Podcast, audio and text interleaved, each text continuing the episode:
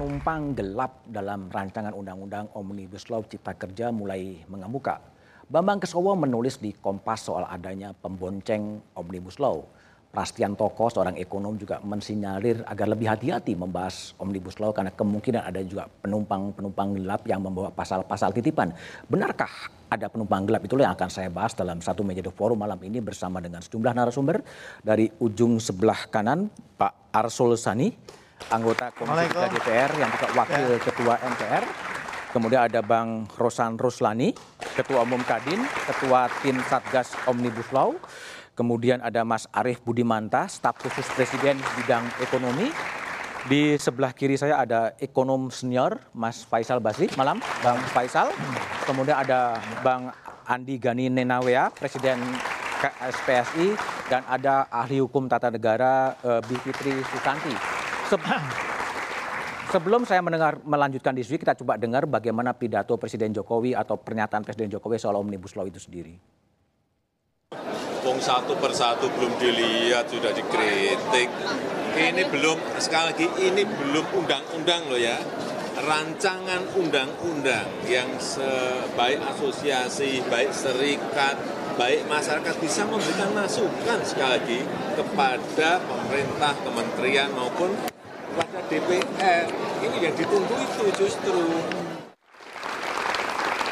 Oke, Bung Arsul Sani, Bung Mas Asul, surat presiden sudah disampaikan oleh di, oleh DPR itu diapain surat itu sekarang? Ya, saya kira ini mekanisme yang biasa, Mas Budiman. Ya, begitu ada RU inisiatif pemerintah hmm? yang diantar dengan surat presiden masuk kepada DPR, maka tentu di internal DPR kita lihat dulu di Undang-Undang Nomor 12 Tahun 2011 yang sudah direvisi dengan Undang-Undang Nomor 15 Tahun 2019 ya tentang pembentukan peraturan perundangan, maka DPR dalam waktu 60 hari kerja harus merespon. 60 hari kerja sudah merespon. Padahal Presiden minta 100 hari selesai ya? Oh ya, ya itu permintaan Presiden yang juga harus kita hormati. Nah tentu di DPR kemudian mekanismenya begitu ada surat Presiden yang mengantarkan RU itu masuk, maka apa pimpinan DPR beserta pimpinan fraksi-fraksi mengadakan rapat eh, apa musyawarah lah seperti Sekarang sampai di mana prosesnya? Nah, sekarang sedang ada di meja pimpinan dan meja pimpinan. kira besok mungkin di rapat bamuskan begitu untuk Hah? menentukan pertama tentu biasanya yang kami tentukan adalah ini RUU mau dibahas di mana. Benar. Ya. Sudah dibacakan surat itu dalam rapat paripurna DPR? Kalau sampai paripurna terakhir belum, kemungkinan besok dibacakan. Belum dibacakan, belum dibahas di Bamus? Se ya, besok biasanya sebelum rapat paripurna, rapat Bamus dulu. Oke. Okay. seperti itu. Dan siapa ya. yang akan membahas juga belum jelas? Siapa yang akan membahas tentu belum karena belum itu juga. nanti di dalam rapat Bamus yang akan menentukan okay. ya dia akan dibahas di mana ya. Oke. Okay. Baik. Bu, Mbak Bivitri, ya. gimana? Uh, Bivitri lihat ya Presiden meminta agar undang-undang ini silakanlah masukan diberikan kepada DPR. Tapi proses yang ada sekarang juga dibacakan juga kemudian belum, siapa yang akan membahas juga belum. Bagaimana Anda lihat dari sisi hukum tata negara itu? Iya, yang perlu dicatat adalah besok itu adalah rapat paripurna terakhir sebelum reses ya. Untuk masa sidang Untuk sekarang. masa sidang sekarang. Okay. Baru kemudian masuk lagi kalau nggak salah 22 Maret atau ya. sekitar itu ya. Jadi 100 hari saya kira itu adalah uh, perkiraan yang uh, sangat inilah sangat uh, menyederhanakan. Menyederhanakan. Sangat menyederhanakan. Saya kira kita harus ingat ini adalah sebuah undang-undang. Jadi omnibus itu kan metode omnibus ya, itu hmm. metode sebenarnya.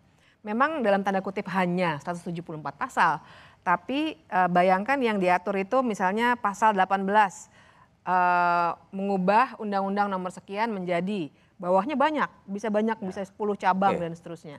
Jadi totalnya ada 1028 halaman. halaman. Hmm ya bayangkan itu.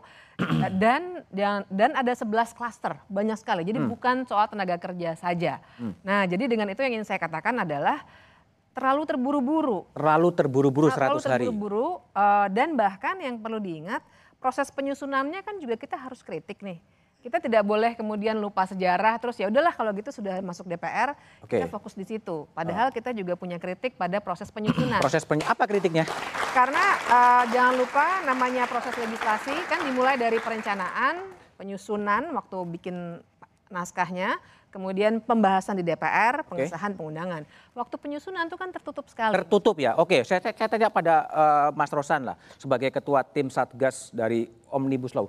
Ada kesan tertutup sebetulnya pembahasan itu sejauh mana yang Bang Rosan tahu sebetulnya? Oke, uh, terima kasih Mas Budiman. Memang kami ini diajak uh, duduk dan berbicara itu saya ingat awal Desember. Awal Desember 2019. Ya. Jadi yang perlu saya mungkin luruskan dalam kesempatan ini bahwa yang mem, yang membuat isinya Hah? itu bukan Satgas Omnibus Law. Bukan Satgas Omnibus, bukan Law. Oke. Okay.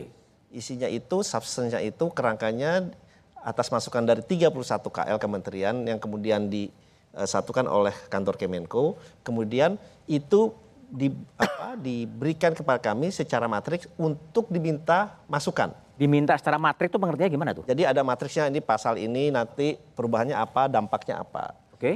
Nah, kita untuk memberikan masukan uh, untuk memastikan pada saat nanti kalau satu saat ini di apa di disahkan oleh DPR, insya Allah implementasinya bisa berjalan. Oke. Okay. Gitu. Itu jadi gini, artinya bahwa 1.700 pasal itu dibahas oleh Satgas gitu? Uh, kita dikasih matriksnya kan itu ada 11 klaster. Huh? Jadi kita uh, uh, di dalam Satgas mem memecah setiap klaster kepada satu PIC sesuai dengan bidangnya. Jadi ada kurang lebih 40 bisnis asosiasi hmm? yang dilibatkan uh, untuk memberikan masukan per klaster. Per klaster. Jadi yang diberikan kepada Satgas itu bukan sebuah draft rancangan undang-undang tapi matrik permasalahan gitu ya? Iya, betul. Dan itu semuanya diberikan gitu ya? Iya.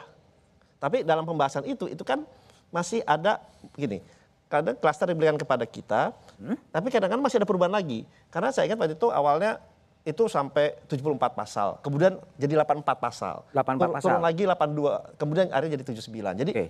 dalam pembahasan itu pun masih terjadi penyempurnaan penyempurnaan yang diberikan kepada Satgas. Oke, kalau dalam klaster soal ketenaga kerjaan, apakah juga Satgas kemudian mengundang semua komponen-komponen serikat pekerja dan lain sebagainya itu diundang semua? Oke, memang waktu itu disampaikan bahwa untuk serikat pekerja itu adalah akan diurus langsung oleh kantor Kemenko dan tenaga kerja. Jadi kami memang okay. minta untuk tidak apa uh, masuk ke ranah itu. Hmm. Jadi kita memberikan masukan dan masukan yang kami berikan memang saya ingat pada akhir Desember, kemudian pada sebelum tanggal 16 Januari karena pada saat itu rencananya uh, eh, RU ini mau dimasukkan kepada DPR pada tanggal 16 Januari. Jadi dalam Satgas itu nggak ada perwakilan dari serikat pekerja? Tidak ada. Yang Tidak ada. Jadi siapa aja anggota Satgas itu? Anggota Satgas dari uh, apa ketua-ketua bisnis apa asosiasi industri, okay. pemangku bisnis ya. kemudian ada dari uh, tim legal juga, okay. dari akademisi okay. itu ada. Oke, okay, oke, okay, oke. Okay. Bung Andi, ya. uh, jadi pernah Anda diundang terlibat dalam pembahasan soal Omnibus Law itu? Sama sekali tidak pernah. Oleh saya, pemerintah juga? Oleh pemerintah. Saya cerita dari awal Mas Budiman. Yang pertama saya diundang Presiden Jokowi ke Istana Bogor, itu akhir September. Hmm? Saya diajak bicara bertiga waktu itu dengan Bung Said Iqbal saya ajak. Hah? Menyampaikan, Mas, kita harus membuat terobosan hukum untuk investasi. Kita oke, okay, kita okay. all out akan mendukung investasi. Hmm? Tapi saya sampaikan kepada Presiden, dari awal buruh diajak. Karena pasti akan mendapat penolakan luas kalau ini dilakukan sembunyi-sembunyi. Dan Presiden agree, setuju saat itu. Berjalan terus dan akhirnya kami mendengar dari tim Satgas Omnibus Law. Saya kirim surat protes kepada Presiden dan Menko Perekonomian ini ada apa? Saya udah mulai curiga dari awal. Kenapa kami tidak diikut sertakan di sini? Oleh pemerintah pun nggak diundang? Oleh pemerintah tidak diundang dan kami tidak tahu. Ataukah ada serikat pimpinan serikat pekerja lain yang diundang? Gak ada sama sekali. Kan saya KSPSI Konfederasi Buruh terbesar di Indonesia. Tidak diundang? Tidak diundang, apalagi yang lain. Yang lain juga tidak diundang? Tidak diundang. Apa yang Anda baca dari situ? Yang saya baca ada sesuatu hal yang disembunyikan. Disembunyikan? Karena pasti akan mendapatkan penolakan dari awal oleh serikat buruh, akan hmm? ada demo besar-besaran. Tapi itu kan pemikiran uh, yang yang sempit. Okay. Buktinya sekarang hari ini kami keliling ke fraksi-fraksi, tadi bersama Bang Rosan juga ke fraksi Golkar. Kami siap berdialog. Demo yang kami lakukan itu adalah akumulasi kekecewaan kami. Hmm. Dan kami akan coba terus melakukan safari politik ke seluruh partai di DPR. Tapi kalau deadlock, kami pastikan seluruh konferensi buruh akan turun ke jalan besar-besaran. Oke, baik, baik. Saya kembali ke Mas, Mas Arief Budimanta yang mewakili staf khusus Presiden bidang ekonomi. Ini ada komplain perwakilan-perwakilan serikat pekerja tidak dibahas padahal substansi yang paling besar itu mengatur soal uh, isu ketenaga kerjaan ya. Itu gimana penjelasan dari uh, pihak istana? Yang pertama tadi seperti yang disampaikan oleh Pak Presiden kan ini masih uh, posisinya rancangan undang-undang ya. Oke. Okay. Sesuai dengan mandat di dalam 20 Undang-Undang Dasar 1945 itu kan sebuah proses pembahasan undang-undang sebelum itu disahkan kan dibahas secara bersama antara pemerintah bersama Dewan Perwakilan Rakyat. Itu yang pertama. Nah karena dia masih bersifat rancangan undang-undang, maka kemudian masih terbuka kesempatan kepada siapa pun okay. untuk memberikan masukan, kritik, eh, saran, perbaikan terkait dengan pasal, ayat, dan seterusnya gitu. Okay termasuk dalam hal ini adalah substansi itu yang pertama. Artinya betul komplain dari Andi bahwa memang tidak diajak nah, ketika ini, draft itu ini, dibuat. Ini yang kedua yang ingin kami sampaikan. Tadi yang dikatakan oleh Bu Bi Fitri tentang penyusunan ya. Penyusunan ini kan melibatkan begitu banyak undang-undang yang dirubah pasal maupun ayatnya. Dan tentu saja tentu pengusulnya itu datang dari kementerian dan lembaga. Oke. Okay. Ketika proses pengusulan, pastilah kementerian lembaga itu melakukan proses dialog. Dialog. Uh, stakeholders yang terkait yang memiliki termasuk dengan serikat pekerja dan kepentingan terhadap uh, apa namanya ya, kemudahan berusaha, penciptaan lapangan pekerjaan yang terkait dengan undang-undang itu. Nah, kemudian yang ketiga, proses penyusunannya itu sejak awal Pak Presiden juga sudah mengarahkan ya terkait satu bahwa ini harus dilakukan proses konsultasi publik yang Oke. luas. Itu normatif dan, semua ya, tapi pelaksanaannya dijalankan nggak Mas Dan saya rasa sih dilaksanakan, dilaksanakan, walaupun mungkin ada persoalan intensitas mungkin menurut Oke. beberapa uh, Oke, teman-teman gitu ya. Sama sekali pernah diundang atau intensitas sebetulnya isunya nih? Tidak pernah diundang. Tidak pernah? Karena itu saya ingin mempertanyakan klaim dari Menko Perekonomian, 10 konfederasi dan 30 konfederasi yang mana? Saya konfederasi buruh. Jangan-jangan anggota Anda yang diundang? Gak mungkin, masa presidennya nggak diundang kan aneh juga. Gak bisa juga wapresnya mungkin yang diundang. Gak mungkin, gak mungkin. Gak. Jadi gini, pasti nggak ada yang diundang. Yang kita maksud adalah kenapa dari awal saya curiga. Karena kita pasti akan menentang keras ketika kita melihat draft, Mas Budiman, semua mereduksi kesejahteraan buruh. Dari Undang-Undang 13 nomor 23, 2 eh, tahun 2003. Karena itulah kami yakin, oh karena inilah kami tidak diajak dari awal. Dan oh, pesangon, soal sanksi pidana terhadap pengusaha, lalu soal kebebasan outsourcing dibuka. Tapi masa sih ini ngomongin nasib ya. buruh kemudian apa perwakilan serikat pekerja nggak diajak bicara sama sekali? Ini yang aneh. Makanya itu dua konfederasi buruh pendukung Presiden Jokowi, KSPSI dan KSBSI bahkan tidak diajak serta. Tidak diajak serta? Kan lucu jadinya nih. Kita yang buat itu siapa draft ini? Kami pendukung Presiden sejak Pilgub DKI Hah? dengan KSBSI, Pilpres 2014, Pilpres 2019, bahkan saya per hari ini masih presiden komisaris BUMN. Ah. Dan akhirnya terpaksa saya ambil pilih, saya akan turun ke jalan. Saya pimpin demo langsung. Gimana Mas Arief menjelaskan, meyakinkan Pak Jokowi kan diajak konsultasi publik, diminta semua dilibatkan, tapi apa? Ya termasuk buruh dalam hal ini, terikat pekerja juga dipesankan oleh Pak Presiden dalam rapat-rapat agar diajak uh, bicara apa okay. misalnya yang terjadi. Jadi apa? Keberatan. Kalau presiden kan memerintahkan tapi nggak diajak, terus apa yang terjadi? Yang yang kami ikuti da, itu ditindaklanjutin oleh uh, kementerian dan uh, lembaga termasuk Kemenko maupun kementerian yang membidangi ketenaga kerjaan.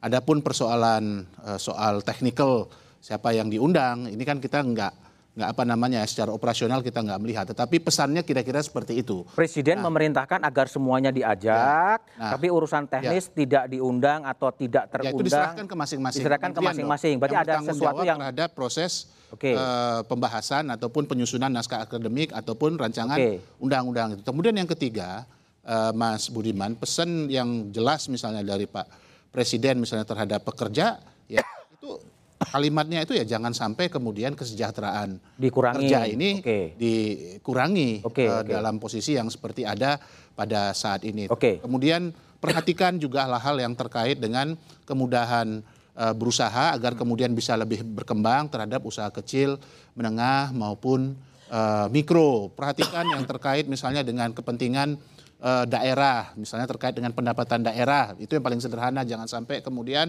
terjadi uh, apa namanya pengurangan begitu karena misalnya sebagian kewenangannya diambil. Jadi pesan-pesannya sebetulnya sudah cukup jelas dan rinci ya. Bung Faisal. Nanti saya minta pandangan Bung Faisal ada pesan-pesan yang cukup jelas serikat buruh harus diajak bicara, kesejahteraan jangan di jangan apa jangan dikurangin. Tapi dalam draft yang dikirim ke DPR banyak-banyak protes jawaban Pak Faisal setelah jeda berikut ini.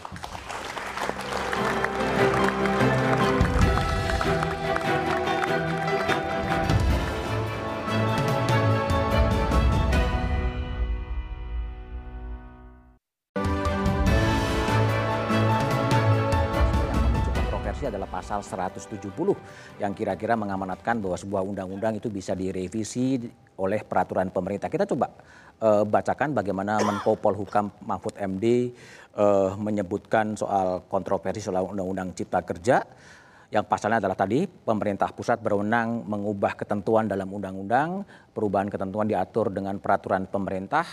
Pemerintah pusat dapat berkonsultasi dengan pimpinan DPR untuk merevisi undang-undang. Nah, ini adalah komentar dari Pak Mahfud MD yang menyebutkan bahwa ya itu salah ketik sebenarnya, artinya seharusnya keliru kan tadi sudah disepakati kalau kembali ke dasar teori ilmu perundang-undangan bahwa yang bisa mengubah undang-undang itu hanya undang-undang. Kalau PP itu hanya bisa mengatur lebih lanjut. Itu prinsipnya kata Menko Polhukam RI. Tapi suara yang berbeda dimunculkan oleh staf khusus Presiden Dini Purwono seperti kita kutip dalam video. Kalau salah ketik ya mungkin nggak mungkin karena rapi tulisannya. Tapi kan dalam mendraft ini kan bisa aja ya orang uh, kita aja kadang-kadang mau nitip pesan ke orang itu bisa salah kan gitu kan jadi mungkin ada ada semacam itu jadi kayak ada miscommunication lah gitu kan dalam prosesnya oke okay. Bung Faisal, jadi Anda lihat gimana nih pesan Pak Mahfud itu salah ketik, Mbak Dini mengatakan itu misunderstood lah, kemunculan salah salah nangkap konsep. Gimana Anda lihat polemik omnibus law sekarang ini? Uh, kalau saya rasa sih, saya ingin ke belakang lagi. Hmm Pak Jokowi kan udah kerja keras luar biasa. Ya. Tidak ada yang menafikan itu. Tapi Pak Jokowi mengeluh pertumbuhan kok lima. Hmm. Nah penyebabnya adalah investasi nggak nendang. Oke. Okay. 16 kebijakan nggak nendang. nendang. Pak Jokowi sendiri yang nggak nendang. Yang bilang, oleh karena itulah investasi harus digenjot untuk menciptakan lapangan kerja dan sebagainya dan sebagainya. Pernyataan itunya yang salah. Pernyataan itu salah. Investasi di Indonesia bagus. Bagus investasi di Indonesia pertumbuhannya relatif tinggi. Hmm. Tapi jangan dipakai data 2019, 2014. Setiap tahun pemilu investasi itu turun, turun. pertumbuhannya. Oke. Okay. Selama sejak 99, hmm. 99 terus pemilu itu setiap pemilu seperti itu. Kemudian saya kan penasaran Mas Budiman. Seluruh negara di dunia saya uh, urutkan pertumbuhan investasinya Indonesia itu nomor 40-an. Nomor 40-an. Dari 148 negara. negara. Tidak buruk. Hmm. Ada yang lebih tinggi dari Indonesia seperti Somalia apa pertumbuhannya belasan persen investasi. Tapi dia gonjang ganjing, gonjang ganjing minus, naik gitu-gitu. Nah, jadi yang bilang investasi itu jeblok siapa gitu.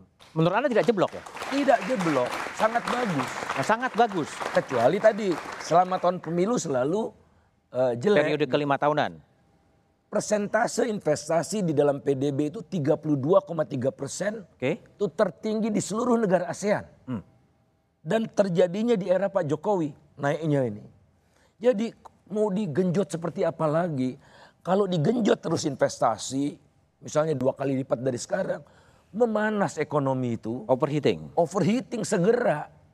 Kalau kita tumbuh nih kita misalnya bisa tumbuh 7 persen, overheating, rupiah kita memburuk, oh, stabilitas makro memburuk. Karena apa?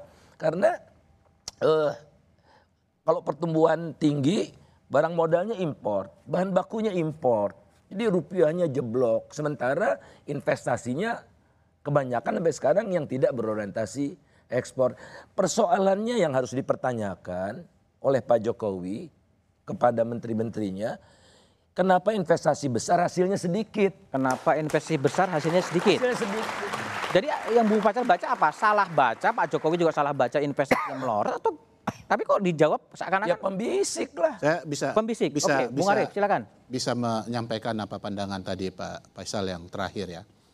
Uh, incremental uh, outputnya kan dirasakan kemudian uh, rendah lah katakanlah seperti itu. Karena karena kalau kita melihat ICOR kita kan mungkin sekarang sekitar 6 sampai 7 hmm. kalau misalnya kita kita bulatkan gitu. Maka kemudian itu yang disampaikan oleh arahan Pak Presiden itu kalau kemudian ada aktivitas usaha yang datang, penanaman modal baik yang datang dari luar ataupun yang di dalam negeri harus diarahkan kepada tiga hal. Yang pertama basisnya harus ekspor. Jadi produktivitasnya tinggi. Kemudian yang kedua harus basisnya substitusi impor agar tadi itu tidak operating tadi. Kemudian yang ketiga yang paling penting masif job creation. Massive karena job pada, creation. Massive job creation. Karena itu ini dijawab dengan penting Omnibus Law itu ya? Ah, ah. salah satunya dijawab dengan Omnibus Law. Jadi artinya kalau kita bicara kemudahan uh, berusaha, intinya aktivitas berusaha itu di Indonesia bukan hanya ya, Hmm. bukan hanya untuk memanfaatkan penanaman modal itu bukan hanya memanfaatkan pasar yang besar di dalam negeri. Oke. Tetapi juga dapat menyerang pasar yang ada di luar. Oke. Sehingga kemudian manfaatnya terhadap penghasilan devisa itu juga besar. Sehingga kemudian kualitas pertumbuhan ekonomi juga kita menjadi semakin baik termasuk dalam hal neraca perdagangan, neraca transaksi berjalan, balance of payment. Saya rasa itu berkali-kali sering sekali Oke, disampaikan Baik, baik. Saya kembali ke Bung Faisal. Jadi Presiden. kan menurut Bung Faisal perlu nggak sih Omnibus Law sekarang? Tidak perlu. Tidak perlu. Karena di dalam omni- omnibus law itu tidak ada prioritas untuk industri yang diharapkan oleh Yang Mas Arief tadi. Ah. Tidak ada strategi industri. Itu kan harusnya strategi industrialisasi kan. Dan tidak ada. Nggak perlu Omnibus Law? Tidak perlu. Karena apa? Untuk tadi ma- ma- ma- apa menciptakan lapangan kerja baru? Pekerja-pekerja yang jobless sekarang bisa bekerja? Ya kan ada udah tax holiday untuk macam-macam itu. Untuk pekerjanya. Satu lagi yang dikeluhkan oleh asing. Ini kan pingin ngundang asing. Ah. Yang dikeluhkan oleh asing kan pemerintah tuh menghormati World Economic Forum World ya. Economic Forum. Oh menteri datang sana, data-datanya dipakai, daya saing dipakai.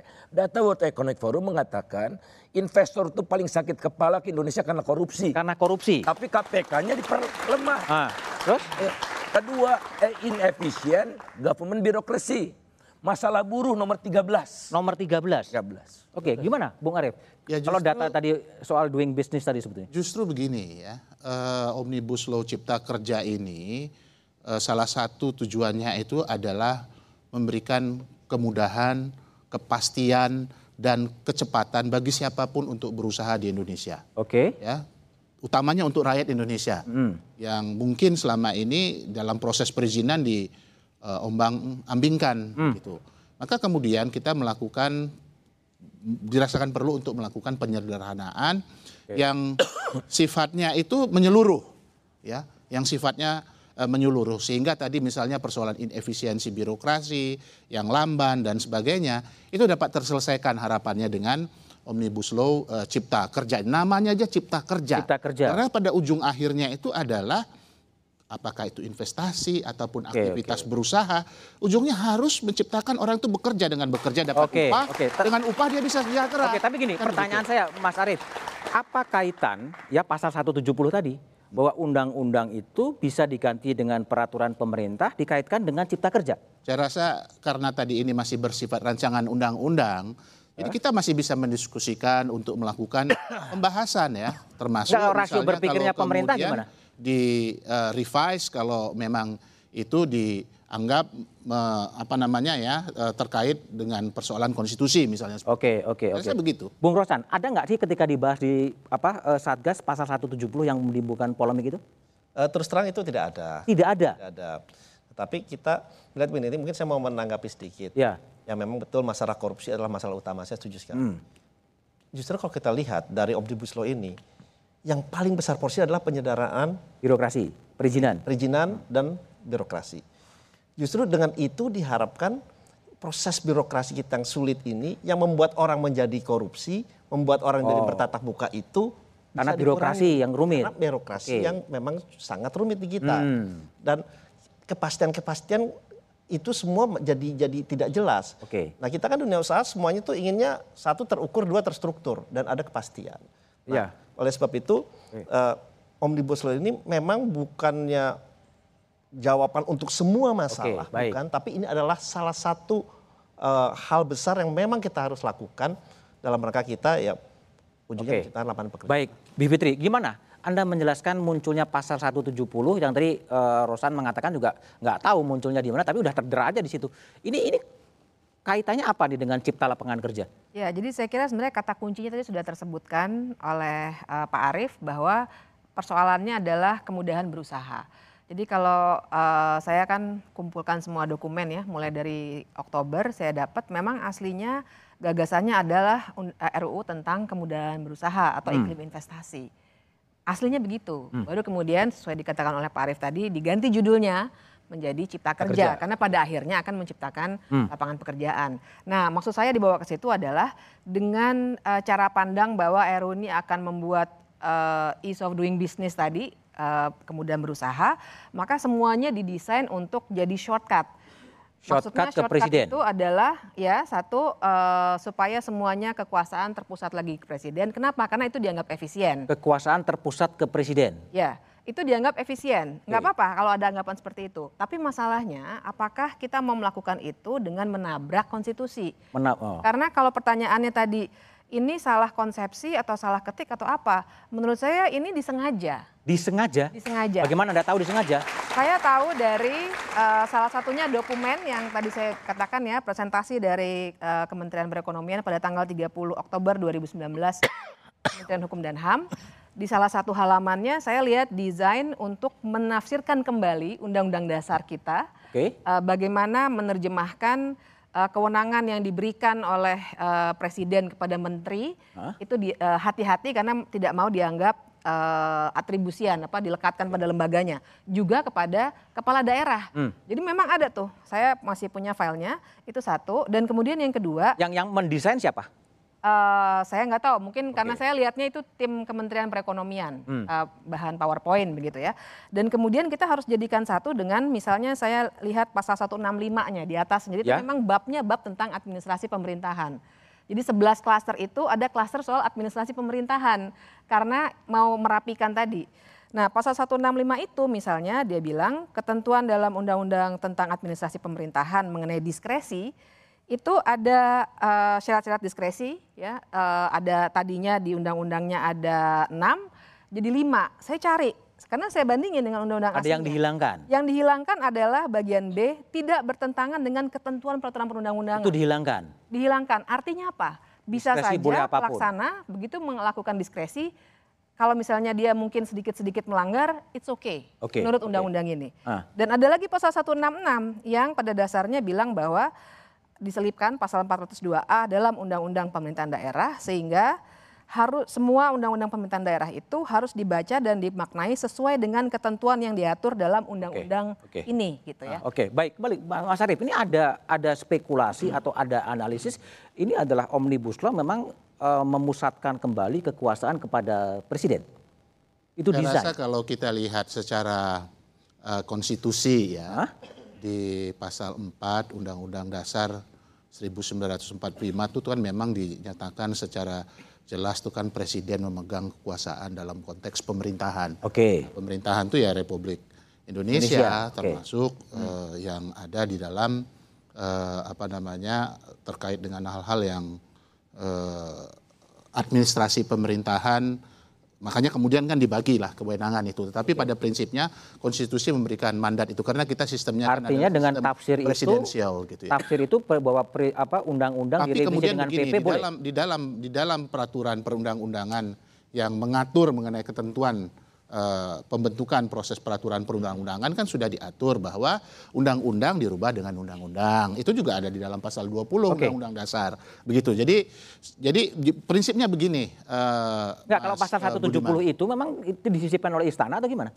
Prinsipnya begini Mas Budiman ya, bahwa satu ini masih sifatnya rancangan undang-undang. Ah. Jadi prosesnya kemudian eh, masih bisa kita diskusikan Oke, oke. bersama-sama Tapi yang- di yang- DPR yang kita memasukkan pasal itu sebenarnya siapa? penyempurnaan. Saya rasa mungkin di situ titik Enggak, yang titik memasukkan tekan pasal yang, itu? titik tekan yang yang penting untuk untuk, Oke. untuk kita lihat. Saya rasa sih begitu. Oke, Pak Arsul, ini gimana? Salah ketik atau salah baca atau gimana? Saya tidak berpendapat itu yang salah ketik, itu salah konsepsi, miskonsepsi saja Miskonsepsi dari, yang- dari sisi eh, konstitusi maupun tadi kan teori dan ilmu perundang-undangan.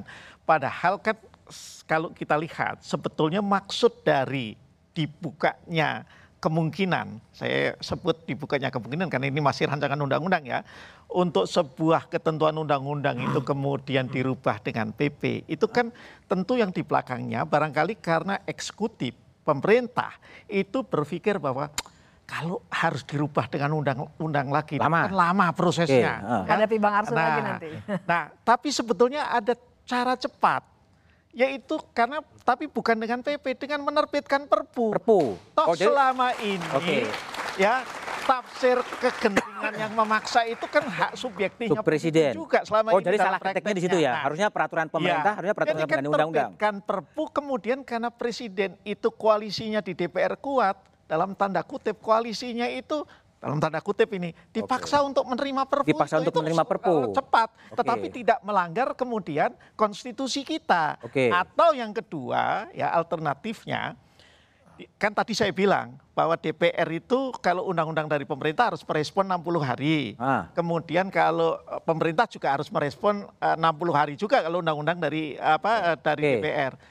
Nah kalau mau sebetulnya karena ini diatur di undang-undang, maka di omnibus law itu diciptakan acara cepat. Saya ingin okay. apa mengambil ya, ya, ya. model dari pemeriksaan di pengadilan. Ada acara biasa, okay. ada acara cepat. Hmm. Nah itu boleh kalau mau di acara cepat yang 60 harinya itu misalnya diganti hari. harus dalam tujuh hari. Selesai. Itu loh. Okay. Kalau itu nggak masalah karena apa? Karena itu okay. merubah undang-undang dengan undang-undang yang lain. Okay. Okay. Tapi bukan dengan PP gitu hmm. loh. Ya. Jadi bikin prosedur khusus gitu kalau pandangan saya. Jadi gitu. Eh, kalau tadi dilihat satu Tapi kalau 170 itu memang harus dikoreksi. Harus dikoreksi. Iya, supaya Tapi, kita nggak menabrak konstitusi. Menabrak konstitusi. Dan kita juga tidak kemudian ditertawakan mahasiswa hukum lah. Dulu belajar ilmu perundang-undangannya bagaimana sih? gitu. Tapi kalau menurut Pak Arsul apa yang terjadi kok tiba-tiba drafternya bisa-bisa memasukkan pasal itu ya? Ya itu tadi, kalau saya husnudon sajalah, ah. berprasangka baik. Berprasangka baik. lewat semangat ini. Gitu. Lewat semangat Lewat semangat apa? dalam menerjemahkan bahwa ke depan yang namanya regulasi ya itu harus bisa dirubah dengan cepat supaya hmm. menyesuaikan dengan okay. iklimnya lah ya. Oke. Okay. Oke. Okay. Jadi bagaimana sebetulnya nanti ini akan dilanjutkan undang-undang omnibus law karena masih banyak isu-isu yang sebenarnya berseliweran termasuk juga mengatur soal uh, merevisi undang-undang pers, mengatur berbagai hal, tapi jawabannya setelah jeda berikut ini.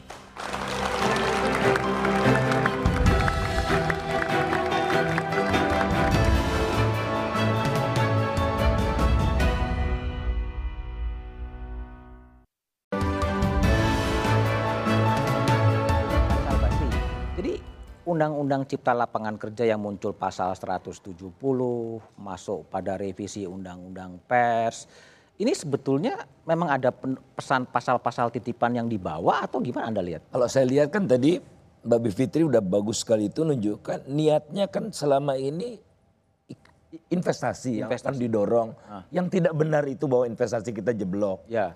Oleh karena itu segala hambatan tentang investasi yang selalu dikeluhkan oleh dunia usaha kan oda, hmm. kan buruh. Ya.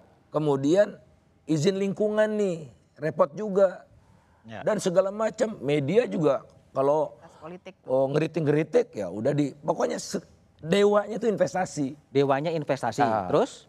Padahal investasi tidak ada masalah secara serius. Salah baca. Nah artinya asing tidak pernah mengeluh juga. Jadi hampir bisa dipastikan dari perspektif ini yang mengeluh itu pengusaha domestik hmm? yang tambang batu baranya udah mau habis. Okay. Tidak ada kepastian mau diperpanjang atau tidak. Kemudian tambang batu baranya luas, menyalahi undang-undang. Undang-undangnya libas dong. Oke. Supaya saya lebih bebas. Jadi ini gimana? Pengusaha-pengusaha itu kemudian apa e, menumpangi omnibus law untuk menyampaikan pasal-pasal itu atau gimana ada baca? Iya, dia masuk dalam proses drafting. Masuk dalam proses drafting ya, ya. di Kemenko. Oh, ini bukan pemerintah yang bikin ini kan ada konsultan. Konsultan? Ya konsultan lah. Entah siapa gitu. Okay. Saya nggak mau nggak mau menyebut karena uh, tapi saya tahu ada konsultan siapa, yang mendraft itu. Ya ada lah. Oke, Bung Rosan, gimana? Betul ada ada Anda tahu nggak mau ada konsultan atau gimana sebetulnya? Sepengetahuan saya tuh saya tidak mendengar Anda konsultan. Tidak mendengar? Tidak mendengar Anda konsultan, karena selama ini kami pun berhubungannya langsung dengan kantor Kemenko. Oke. Ya, jadi saya tidak mendengar Tidak itu. mendengar, oke. Kalau Bung Arief, ada nggak kemungkinan tadi yang Bung Faisal katakan ada konsultan yang mendraft undang-undang itu? Saya tidak mendengar ya, tetapi memang proses koordinasi dalam penyusunan rancangan undang-undang ini kan bukan baru ya, ini hmm. juga bukan ya, baru. Ya, sejak periode yang lama juga sudah di uh, siapkan oleh Menko Perekonomian yang meskipun yang bukan lama. namanya omnibus law ya. Uh, ya kira-kira mungkin konsepnya seperti itu, tetap okay, omnibus okay. omnibus law begitu ya. Jadi uh, tetap screening akhirnya itu adanya hmm. adalah di uh, pemerintah yang dikoordinasikan dan diberikan tanggung jawab ke Kemenko uh, Perekonomian. Saya hmm. rasa mungkin uh, ya kita nggak mendengar ya. Nggak mendengar, nggak ada yang tahu. Bung Faisal gimana tahunya ada konsultan mendraft kemudian diserahkan ke DPR? Karena pemerintah itu terna, tidak pernah, hampir jarang sekali mendraft undang-undang. Oh, semua diserahkan dikontrakkan gitu ya? Ya, naskah akademiknya juga begitu kan nggak mungkin pemerintah bikin. Oh, diserahkan pada orang. Namanya kajian sederhana aja di di outsourcing kok. Outsourcing? Iya. Jadi di belakang konsultan itu siapa? Atau ini konsultan di hire pemerintah untuk bikin draft gitu atau gimana? Bisa di hire pemerintah, bisa yang eh, lembaga-lembaga asing. Lembaga asing? Iya, bisa. Oke. Okay. Pengalaman. Jadi misalnya undang-undang tentang air. Ah. Nah itu supaya cocok dengan EDB, EDB yang ikut membiayai. Kalau, kalau dalam omnibus law ini? Saya nggak tahu. Nggak tahu. Bung Andi, dengar, dengar bahwa ini ada drafternya adalah konsultan-konsultan gitu? Dari tadi akhirnya terjawab semua. Saya makanya agak aneh dari awal saya ketemu presiden itu menyampaikan soal kemudian berinvestasi. Saya dukung penuh. Kok tiba-tiba Itu kapan bertemu presiden? September, tanggal tanggal 30 September Oke, okay, terus? Bogor. Ngobrol dua setengah jam sama presiden. Saya akan all out, saya akan sampaikan kepada seluruh serikat buruh. Hmm? Tapi yang anehnya kenapa akhirnya ke sininya itu mereduksi kesejahteraan buruh. Pembebasan tenaga kerja asing. Bagaimana nasib anak-anak yang kuliah sekarang? Lalu soal outsourcing dibuka yang tadi hanya lima, dibuka sebebas-bebasnya. Ini kan jadi lucu apa kaitannya kemudahan, kemudahan berinvestasi dengan aturan buruh? Seperti ada titipan, saya yakin betul itu. Enggak pertanyaan dari Bung Pasha, Anda juga mendengar bahwa ini ada ya. dari konsultan? Ini kan terkait dengan Mbak Bivitri tadi bicara soal, tadi awalnya memang betul, kemudahan investasi menyampaikan, dan juga kita akan diajak bicara, saya sepakat. Tapi kenapa akhirnya hampir semua secara keseluruhan mereduksi kesejahteraan yang sudah baik di Undang-Undang 13. Ini kan jadi pertanyaan besar. Sekarang saya tanya ke kiri dan ke kanan, nggak ada yang mengaku. Hmm bahwa ada apa ini siapa yang buat draft tanya ke Kemenaker tanya ke Kemenko bahwa ini sudah jadi seperti ini. Oke. Okay. jadi pertanyaan besar tapi intinya begini. Masalah buruh itu urutan ke-13 saya Mas Budiman pimpinan buruh se-ASEAN. Saya memimpin 12 negara. Bedanya kita sama Vietnam. Kalau kita datang ke Vietnam itu kepala badan investasi yang menjemput di airport. Hmm. dia datang ke hotel menyiapkan segala perizinan. Jadi banyak hal kenapa akhirnya masalah buruh menjadi momok buat pengusaha untuk berinvestasi nggak ada itu saya yakin betul. Oke. Okay. Itu nggak ada. Oke. Okay. Nah, kita bisa diajak bicara buktinya kita bisa dialog menarik diri dari jalanan sekarang sementara waktu kita konsentrasi di DPR memberikan masukan-masukan itu artinya bahwa kita sangat profesional dan kita nggak mau mengganggu kondusivitas politik. Oke. Okay. Tapi kalau akhirnya akhirnya DPR tetap meloloskan, kami pastikan seluruh konfederasi buruh akan menyolidkan kekuatan kita turun besar-besaran kerja. Oke, baik. Pasti itu. Bung, Bung Rosan, jika perspektif dari apa Satgas Omnibus Law dan juga pengusaha tadi sebenarnya kalau ngikutin apa Bung Andi dan Bung Pasca buruh sebenarnya nggak terlalu nggak terlalu problem bahkan urutannya ke-13 yang problem adalah sebetulnya korupsi. Tapi dalam bahasan Satgas Omnibus Law gimana posisi buruh dan pengusaha ini sebetulnya? Ya memang ini kita kalau melihat Omnibus Law ini memang tidak bisa kita lihat gitu. Kita harus melihat secara keseluruhan. Karena uh, dengan itu kita bisa mengerti oh ini arahnya ke mana. Nah kalau kita lihat sebetulnya ini kan tadi disampaikan oleh oleh Bung Pasal, uh, Mas Faisal Basri bahwa investor asing sebetulnya investor asing kan juga banyak sekali berhubungan dengan kami. Ya salah satu yang mungkin yang paling tinggi di, di, disampaikan adalah mengenai harmonisasi kebijakan antara pemerintah pusat dan pemerintah daerah. Berbeda-beda. Yang berbeda. Itu mungkin yang nomor satu. Nomor satu. Gitu ya.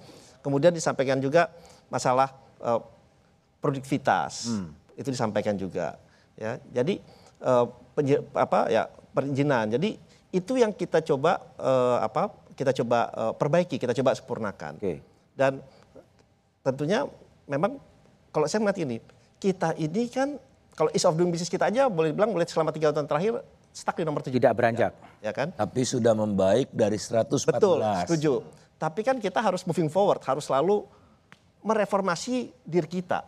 Baik dari kebijakan, dari segi uh, policy, dari segi fiskal. Karena kenapa?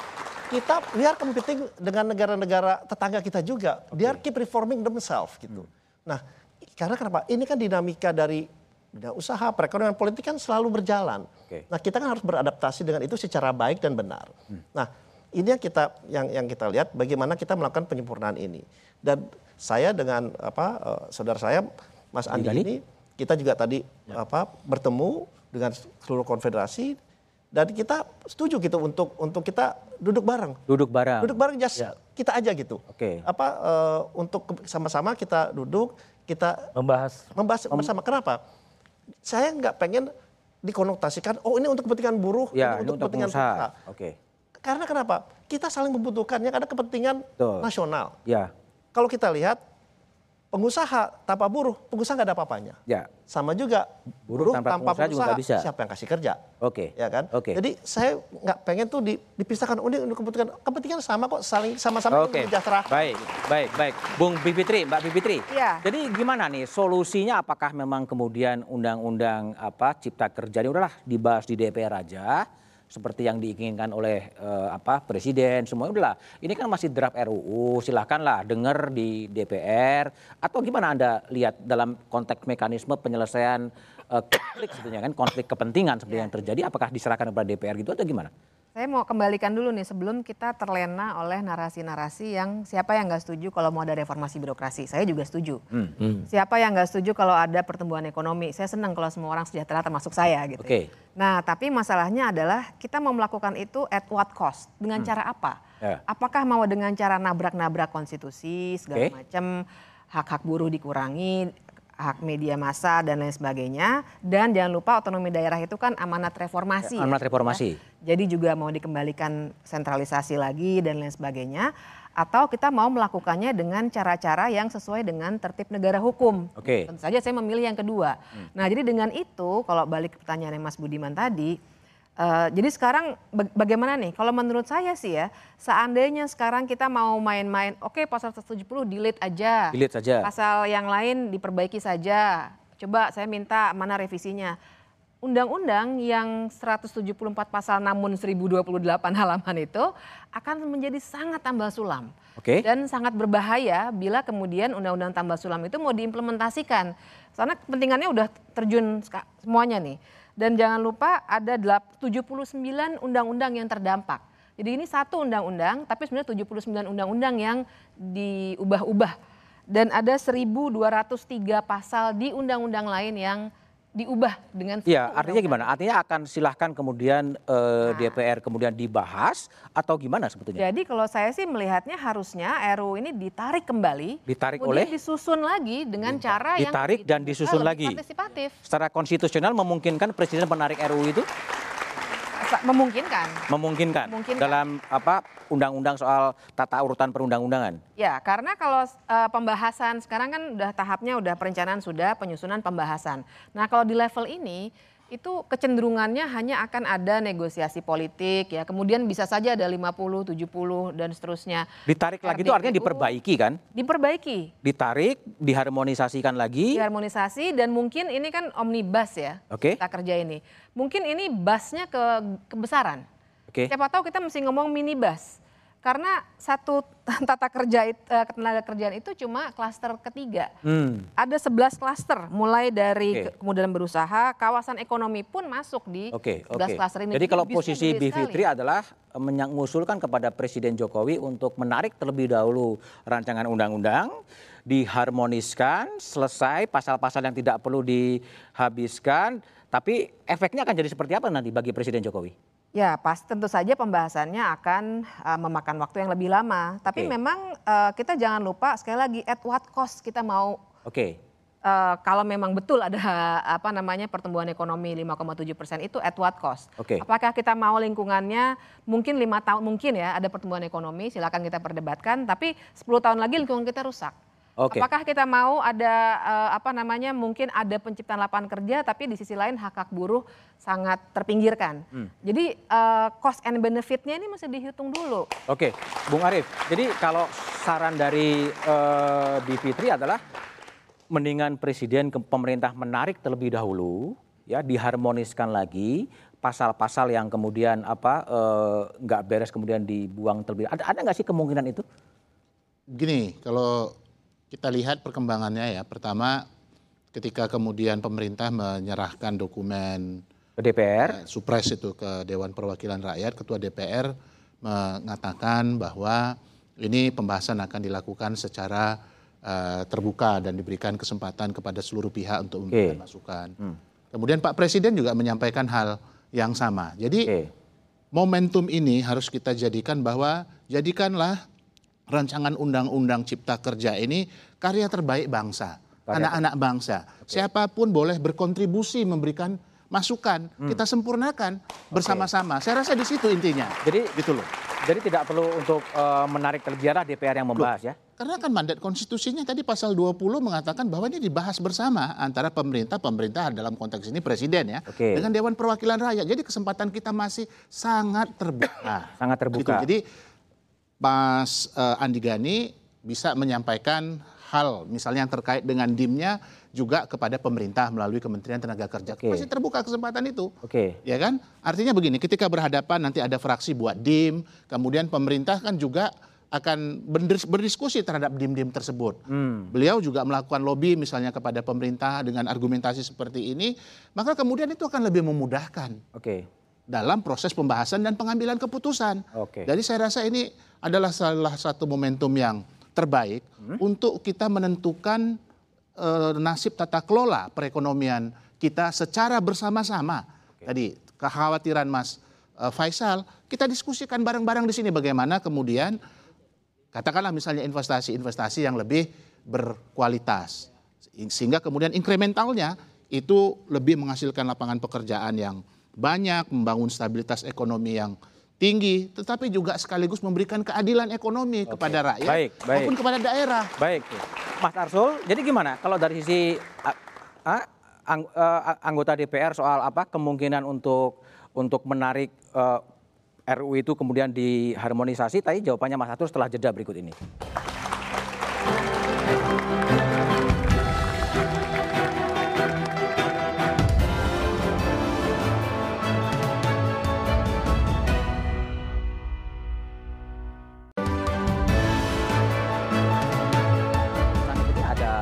Tawaran solusi dari Bivitri mengatakan akan lebih baik kalau undang-undang itu kemudian ditarik terlebih dahulu, diharmoniskan antar pemerintah, pasal-pasal yang tidak perlu dibuang dulu, kemudian diserahkan lagi kepada DPR. Gimana Anda respon? Ya, itu satu opsi ya. Satu opsi. Tapi kan tentu apakah pemerintah akan uh, menggunakan opsi itu atau tidak, yaitu biar Pilihan nanti pemerintah. Mas Manta yang inilah menyampaikannya kepada pemerintah. Gitu kalau ya. dari DPR, DPR? Tapi kalau saya melihat bahwa ada juga opsi yang lain. Huh? Opsi yang lain ya tetap kita bahas, tetapi dengan tentu beberapa catatan. Ya. Hmm? Catatannya tadi juga sudah disampaikan juga ya oleh uh, Presiden. Artinya ini kan pengalaman pertama kita membahas sebuah undang-undang yang kontennya itu. adalah omnibus, okay. gitu ya. Yang tidak dikenal sebenarnya dalam hukum ya. ya karena itu ya ini jangan kemudian dianggap undang-undang biasa apalagi kayak undang-undang KPK jangan sapu jagat ya itu begitu ya ini Jadi juga ya? artinya ya? artinya juga apa kita harus realistis kalau ternyata tadi Mas uh, Andi Nuawia sudah menyampaikan bahwa teman-teman buruh itu berkeberatan ya harus kita dengar. dengar dan kemudian ini kan kebiasaannya begini kalau undang-undang itu sudah sampai di DPR biasanya aspirasi berbagai elemen masyarakat itu di DPR hmm. melalui rapat dengar pendapat umum, melalui katakanlah rapat dengan fraksi-fraksi. Ini jangan seperti itu menurut saya. Pemerintah juga tim pemerintah nanti di dalam RUU Cipta Kerja ini juga menggelar RDPU sendiri. Pemerintah. Pemerintah okay. di luar apa pembahasan hmm. dengan uh, DPR.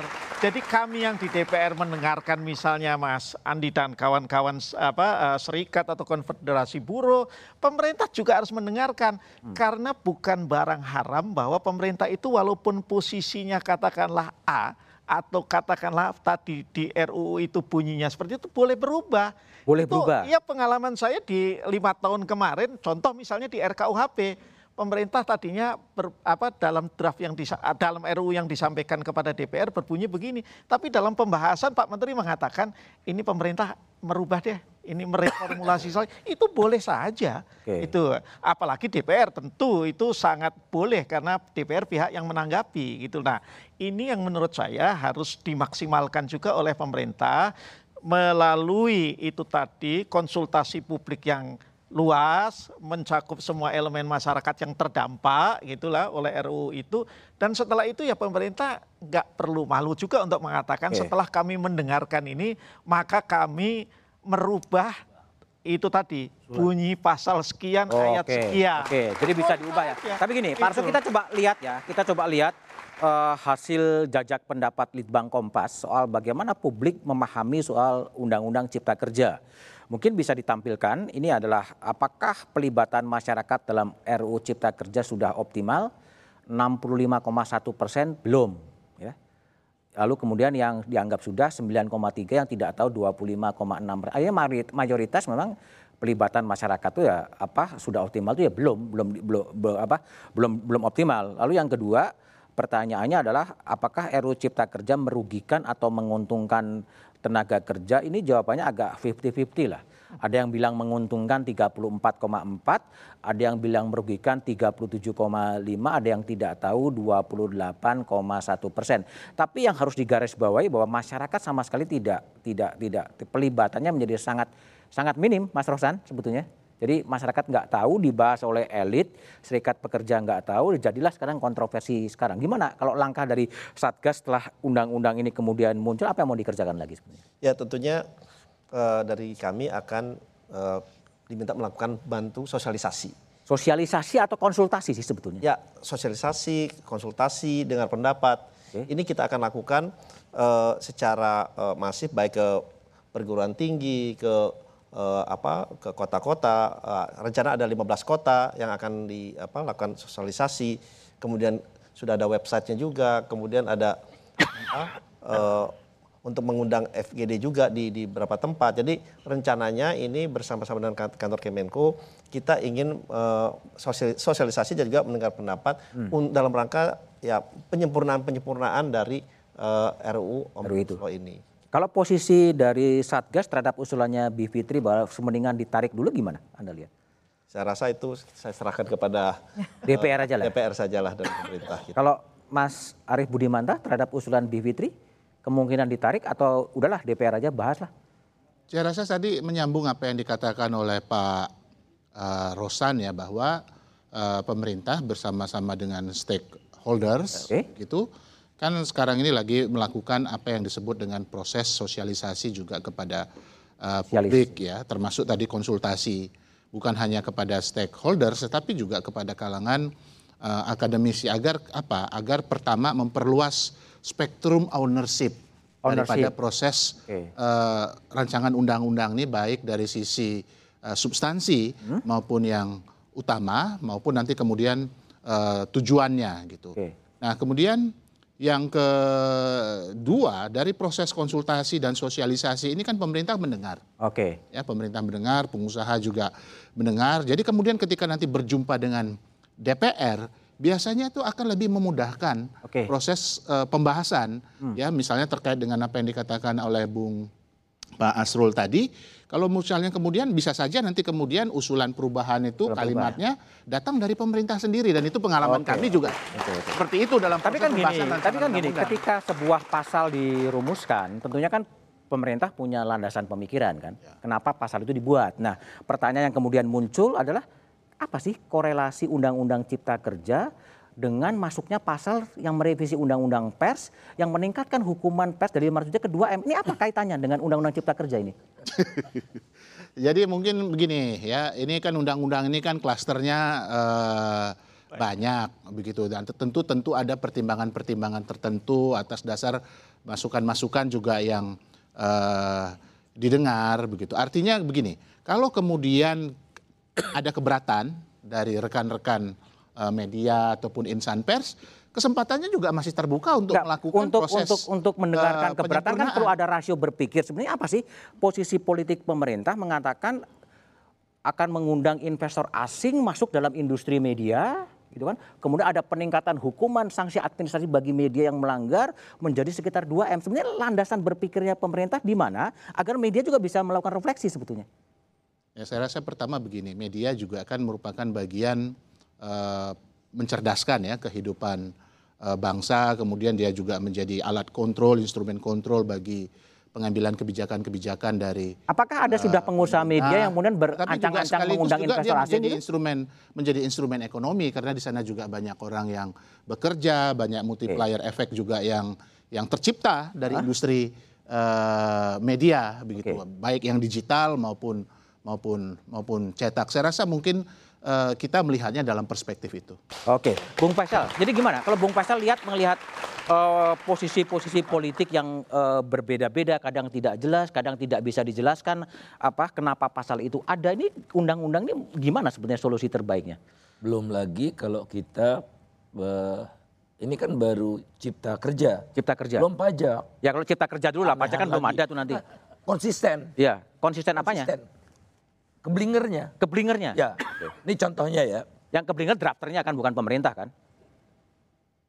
Ya kan drafter konsultan tadi. Maaf kalau saya katakan Pak Jokowinya. Pak Jokowinya keblinger? Nah jadi gini, Pak Jokowi bilang gini dalam satu pidato. Uang pada larilah dari Indonesia ke Singapura. Hah? Karena Singapura pajaknya 17, Indonesia 25. Hmm. Dan nyata-nyata dipenuhi permintaan Pak Jokowi itu di RUU ini. RUU mana? RUU pajak, pajak. di omnibus. Oh, di omnibus. Oke. Okay. Uh, 20 21 22 itu pajak diturunkan jadi 22 dan 23 tahun 23 20 dan 17 persen untuk okay. yang go public. Hmm. Jadi persis seperti Singapura. Uang lari katanya. Kenyataannya tidak benar justru uang itu mengalir deras dari Singapura ke Indonesia oh. yang pajaknya lebih tinggi. Ini apa? Ini apa? E, pembisiknya salah, datanya salah atau apa yang salah? Kasihan Pak Jokowi ini dibisiki secara salah. Dibisikin secara salah? Yang jelas sudah pernah mengatakan pingin 17 persen itu Luhut Panjaitan. Oke. Okay. 17 persen Pak, dia kan bekas dubes di Singapura kan. Ah. 17, nah, diikuti sama Pak Jokowi. Sama gitu nada suaranya. Bung Arief, gimana? Ada masukan-masukan yang salah kepada Presiden?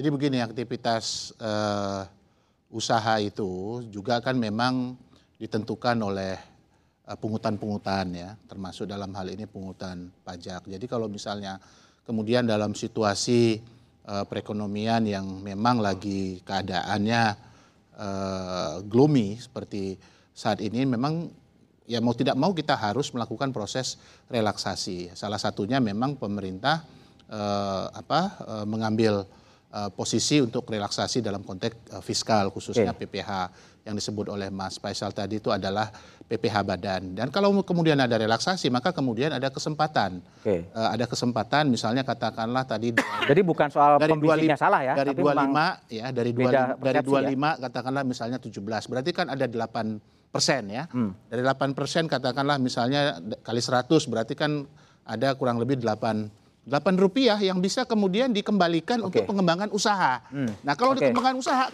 ada lapangan okay. kerja lagi yang terbuka. Kira-kira okay. okay. cara berpikirnya seperti itu. Oke, okay. Bung, Bung Andi gimana? Kalau Bu Anda lihat gimana? Ini ada ada posisi-posisi politik yang berbeda, ada pasal-pasal yang kemudian tidak bisa dijelaskan kenapa pasal itu ada. Gimana Anda lihat seperti itu? Mas Budiman, saya secara pribadi mengenal sangat dekat Presiden. Presiden okay. orang yang sangat baik.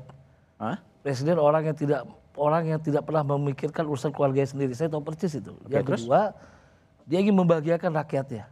Itu satu hal yang saya ingat betul. Apa kaitannya dengan undang-undang omnibus law? Dia ingin membuat terobosan investasi untuk meningkatkan ekonomi. Oke, terus? Tapi kok dia jadi nyasarnya ke mana-mana? Yang saya ingin tanya, ini siapa yang membuat draft? Siapa yang membisikkan? Siapa yang membuat titipan-titipan? Ini mesti kita usut dengan tuntas ini. Ya. Hmm. Penting buat Supaya saya. Tidak terulang ya. Supaya tidak terulang, karena apa? Sudah jelas bahwa saya ulangi sekali lagi, urutan buruh itu urutan nomor 13 jadi masalah. Tapi sekarang seakan-akan gerakan buruh enggak terhadap undang-undang ini kalau menurut Andi Gani mau ya. diapain? Ya. Dibahas di DPR. dikembalikan saja dulu. Apa? Dikembalikan dulu ke pemerintah. Dikembalikan ke pemerintah. Partisipasi publik yang harus diharapkan kembali diulang dari kan gak ada masalah. Oke. Okay. Oke. Okay. Gak ada Bip, salah. Gimana Bib? Ya kalau memang kalau saya melihat um, opsi opsi banyak. Saya setuju dengan Bang Arsul. Tapi, op, tapi opsi pembahasan itu uh, reasonable, bisa diterima seandainya memang undang-undangnya tidak salah secara fundamental. Jadi tinggal dalam-dalamnya, misalnya uh, dapat, oh mungkin kita jadi harus aja deh, misalnya begitu ya. Tapi saya merasa ada masalah yang fundamental dalam undang-undang ini. Salah satunya adalah itu tadi mengasumsikan bahwa uh, pertumbuhan ekonomi itu bisa dicapai dengan uh, dengan cara-cara yang uh, mengefisienkan dengan segala cara sehingga menabrak banyak peraturan perundang-undangan. Bahkan kalau ini balik ke pertanyaannya Mas Budiman tadi, kenapa sih misalnya uh, pers pakai masuk di situ? Karena ada asumsi juga yang keliru bahwa sekali lagi pertumbuhan ekonomi dewanya pertumbuhan ekonomi. Jadi at, at any cost harus dicapai sehingga akhirnya juga stabilitas politik itu juga jadi kunci. Jangan kalau kita cari dari 79 undang-undang terdampak itu pertahanan dan keamanan juga masuk loh. Masuk, banyak ah, sih polisi, yang yang masuk. Ya, tapi lebih positif ya untuk ah. polisi yang menjaga investasi. Tapi yang ingin saya katakan adalah uh, betapa 79 undang-undang yang terdampak ini sebenarnya berdiri di atas asumsi bahwa at any cost pertumbuhan ekonomi dicapai melalui undang-undang omnibus. Nah ini kan masalah yang menurut saya fundamental. Hmm. Sehingga kalau mau dibahas di DPR dengan asumsi segala-galanya baik tinggal ganti huruf, tinggal ganti kata-kata, nanti eh, apa namanya masalah fundamentalnya tidak akan bisa terpecahkan. Mas, Oke, okay, baik. Oke, okay. jawaban Pak Asrul saya ya. berikan setelah jeda berikut okay. ini.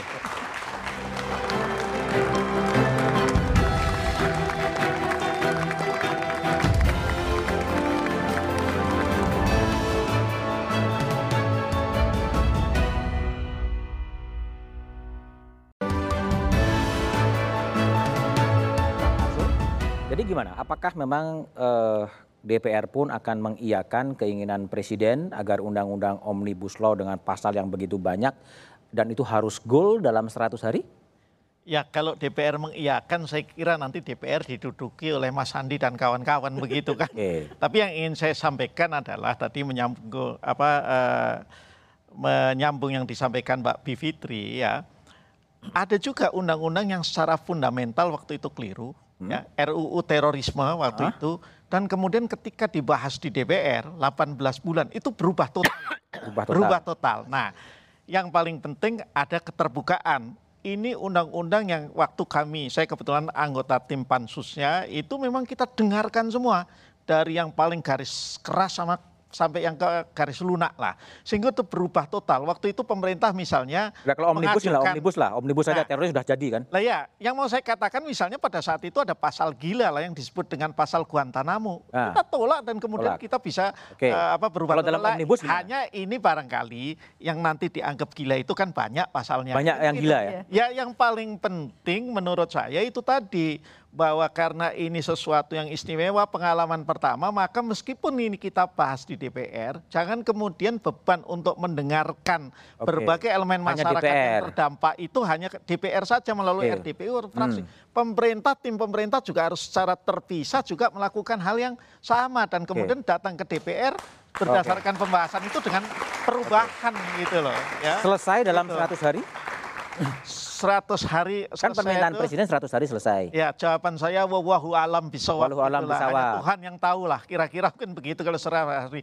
Tetapi kan nanti kita kan harus mendengarkan juga dari berbagai elemen masyarakat keberatannya itu yang mana saja kan. Oke. Okay. Saya kira yang paling banyak keberatan itu adalah yang terkait dengan klaster ketenaga kerjaan. Okay. Yang nomor dua saya kira ya yang terkait dengan lingkungan okay. dan kemudian kalau perizinan kan pada dasarnya kita sebetulnya malah pengen gitu. Oke, baik Bung Asul.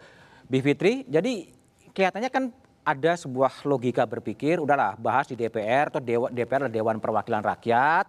Kalau nggak puas, gugat aja ke Mahkamah Konstitusi. Wah. Itu logika-logika yang kita coba dibangun. Gitu sebenarnya yang sedang terjadi Saya sekarang. tidak setuju, karena artinya kita uh, menempatkan pada hal-hal yang tidak pasti. Hmm. Dan jangan lupa seharusnya pembuatan undang-undang itu harus maksimal, jangan ditunggu diserahkan ke Mahkamah Konstitusi. Hmm. Ya dan jadi saya kira uh, sekali lagi kita harus hati-hati dengan saya kira memang tujuannya salah satunya kenapa bentuknya ini pendekatannya omnibus ini kan metode sebenarnya hmm. omnibus ini ya adalah daripada ketemu Bang Arsul dan kawan-kawan 79 kali, hmm? dengan ketemunya sekali aja. Kali saja. Nah, cuma kan ya itu tadi bahayanya. Uh, Omnibus ini, RUU Cipta Kerja ini begitu tebalnya sehingga dia cenderung menyembunyikan banyak cenderung hal yang menyembunyikan. Cenderung menyembunyikan karena saya saja bacanya kayak tadi saya bilang. Saya baca pasal tadi yang tadi saya bacakan itu satu pasal saja kemudian dia bilang undang-undang administrasi pemerintahan diubah menjadi. Nah, cabangnya itu bisa 15. Berarti drafternya pinter ya. Kita menyembunyikan orang nggak tahu gitu. Ya? Pintar. Makanya kalau misalnya dikatakan sosialisasi Pertama harus diingat sosialisasi itu beda dengan partisipasi. Nah. Dan kedua da, bahkan dalam metode partisipasi pun ini kalau memang mau serius harus uh, diterjemahkan juga. Jangan okay. berharap masyarakat awam pintar semua untuk membaca undang-undang okay. yang begitu Oke, okay, baik. Bung Rosan, jadi gimana strateginya dari uh, Satgas ini untuk hanya sekedar mensosialisasikan, menjelaskan maksud. Nanti kalau nggak bisa dijelaskan gimana juga nanti kan pusing juga uh, Bung Rosan. Ini kenapa kok tiba-tiba muncul undang-undang media? Wah saya juga nggak tahu itu gimana nanti jadi. Ya ini kan kita sebetulnya dua sosialisasi dan menyerap aspirasi. Oke. Okay. Itu dua dua hal itu. Jadi uh, justru dalam kesempatan ini saya setuju sekali bahwa proses ini harus terbuka, transparan dan melibatkan semua pemangku, pemangku, hmm. pemangku kepentingan. Dan ya kalau saya melihatnya ini masih banyak yang harus kita sempurnakan, ayo kita sempurnakan gitu. Hmm. Dan saya melihatnya bahwa banyak apa oh, masukan ini justru kan yang apa interest masyarakat juga makin lama makin tinggi dan itu makin baik. Jadi ya. kalau saya bilang ya kita kita meyakini pemerintah mana sih yang yang mempunyai keinginan yang tidak bagus nggak ada lah. Nggak ada ya? Ini tidak ada. Jadi marilah kita berpikir positif untuk uh, hal yang lebih baik ini dan tentunya kalau ada kita perlu sempurnakan, ya udah kita sempurnakan. Gitu. Oke, baik. Bung Andi, ya. gimana? Jadi udahlah, nanti KSPI juga rembukan lah sama uh, eh, DPR, semua aspirasinya akan di apa diakomodasi. Kalau setuju DPR-nya kan, kan nggak tahu juga. Jadi gimana anda respon itu? Yang paling awal adalah saya sampaikan kepada DPR, jangan memaksakan untuk harus cepat selesai dan nah. akhirnya kontraproduktif dan mendapat penolakan besar-besaran. Satu hal yang menarik buat saya, apakah ada geran politik tersembunyi di balik semua ini? Ada apa? Gerakan politik karena kan eskalasi masa akan meningkat. Apa maksudnya gerakan politik? Ketika penolakan pasti buruh bergerak. Saya tidak bayangkan kalau 14 konfederasi buruh besar menunggang masa besar-besar di Jakarta, ratusan ribu turun pasti. Dan pasti panjang. Itu kan Anda yang gerakan kan? Oh, semua artinya bukan saya gerakan, semua anggota itu tergerak untuk bersama-sama menolak. Bersatu dan, gitu. Ya? Bersatu ya? dan itu bahaya. Kalau eskalasi masa bersatu, mahasiswa ikut bergabung, ini yang saya sampaikan Kenapa kami dipaksa berhadapan-hadapan dengan pemerintah? Ada kami menolak KSPSI, KSPI Said Iqbal menolak, KSBSI, KSPN menolak. Ini sampai sebuah konfederasi buruh menolak. Ketika Menko Perekonomian menyampaikan ada 10 konfederasi, saya bingung konfederasi yang mana. Ah. Kan nggak jelas sampai hari ini. Karena itu, saya tadi sudah bicara dengan uh, Bang Rosan, kali sudah setuju kita berdialog nggak apa-apa. Dan ini membuktikan. Saya kasih contoh Mas Budiman era 2010 sampai 2014 demo buruh tuh hampir 380 kali per tahun. Hmm. Demo besarnya hampir 15. Era Pak Jokowi sangat soft. Bukan karena presiden buruhnya sahabat ya bukan. Oh. Tapi artinya pemerintah betul-betul mendengar. Itu turun sampai tereduksi sampai 70 persen demo buruh. Okay. Mas Budiman tentu merasakan. Okay. Tetapi akhirnya ketika Omnibus Law dikeluarkan, seluruhnya bereaksi. Baik pendukung Pak Jokowi di Pilpres, bahkan okay. penentang Pak Jokowi bersatu di jalanan. Ini kan ada hal yang aneh. Apakah ada seseorang yang ingin menyebabkan eskalasi politik memanas kembali? Kita nggak ngerti. Oke, baik. Kita... Bung Faisal, gimana? Apakah memang analisis Bung Andi ini betul ada upaya-upaya untuk apa? Untuk menciptakan eh, gerakan-gerakan uh, politik, membenturkan uh, Pak Jokowi dengan Pasti enggak kan? Gimana? Saya rasa sih enggak, hmm. gitu. Tapi mungkin eh, di lain pihak ada percaya diri yang lebih pada presiden. Karena mayoritas karena parlemen dikuasai. Dua per tiga. Undang-undang ya, dasar mau diubah pun demi bisa, bisa. Bisa, gitu. bisa. Nah jadi uh, Prabowo udah di pemerintahan. Udah di pemerintahan. Kan uh, saya Iqbal bisa dijinakkan nih oleh ya, Prabowo. Kira-kira ya. asumsinya seperti hmm. ini. Jadi PD oleh karena itu keluar 100 hari. Oke. Okay. Nah oleh karena itu saya menyatakan beberapa waktu yang lalu Pak Jokowi jangan terlalu percaya diri. Ini iklimnya beda dengan di zaman Pak Harto. Hmm. Kalau zaman Pak Harto desainnya seperti itu bisa. Sekarang iklimnya keterbukaan, tidak ada yang bisa dirahasiakan. Ya, uh, kebebasan sudah IT, uh, media sosial tidak bisa di, di, dihambat. Jadi tidak hanya menjinakkan DPR gitu ya, hmm. karena koalisi, tapi juga ini dunia yang sudah berubah. Saya rasa pemikiran-pemikiran seperti ini lazimnya keluar dari uh, yang berlatar belakang militer. Berlatar belakang Pak Presiden kan Pak Jokowi kan sipil. Nah ya jadi apa? Pembisinya yang berlatar belakang. Pembisinya berbelakang orangnya bisa ditebak kan itu. Ya, bisa. Ada Menteri Kesehatan kan militer juga. Bisa. Pak Prabowo, ya. Pak Luhut. Tenang Pak, nanti saya bereskan. Gitu kan. Oke. Bung Arief, jadi memang ini ada sebuah apa point of no return setelah diserahkan ke DPR harus goal dalam 100 hari atau gimana? Jadi Omnibus Law ataupun rancangan undang-undang cipta kerja ini kan adalah instrumen ya cara kita untuk menuju Indonesia maju dengan melakukan sejumlah perubahan uh, kebijakan melalui peraturan perundang-undangan. Itu yang pertama ya. Hmm. Indonesia maju yang adil dan makmur. Hmm. Kemudian yang kedua metode yang kita ambilkan ini exercise ya. Tadi Mbak Bivitri sudah menyatakan exercise bahwa ini, power ya. Enggak, ini exercise oh, konstitusi, oh, konstitusi bagi kita ya. Karena ini pertama secara secara metodologi kita kita bangun sehingga kemudian ketika ada kesepahaman misalnya antara ketua DPR kemudian dengan Pak Presiden bahwa ini dibahas secara uh, terbuka, secara transparan, silahkan memberikan masukan. Sebenarnya kami melihat bahwa ini sebuah optimisme. Semuanya ingin menyelesaikan ini secara cepat. Oke. Karena begitu dia menjadi transparan, apalagi kemudian dokumen juga bisa diunduh, diakses, terbuka, begitu siapa saja bisa memberikan kesempatan, mendapatkan kesempatan untuk memberikan uh, masukan. Jadi sekali lagi bahwa mari uh, kita uh, sama-sama optimis dan kemudian menyempurnakan Oke. uh, dokumen ini menjadi karya anak bangsa yang terbaik. Oke, baik. Terima kasih Pak Arso, Bung Rosan, Mas Arief, Bung Faisal, Bung Andi, dan uh, Bivitri. Watak asli kekuasaan tampak dari substansi sebuah draft rancangan undang-undang yang diajukan ke DPR. Undang-undang dibuat untuk mengayomi seluruh masyarakat dan bukan hanya satu kelompok draft sabu jagat yang begitu luas dan pembahasannya cenderung tertutup mengundang kecurigaan. Hadirnya pembonceng yang membawa pasal titipan, kehati-hatian dalam membahas pasal diperlukan agar pemerintahan Presiden Jokowi tetap dalam citranya yang pro rakyat. Demikian satu meja The Forum malam ini. Sampai jumpa pekan depan. Selamat malam dan terima kasih.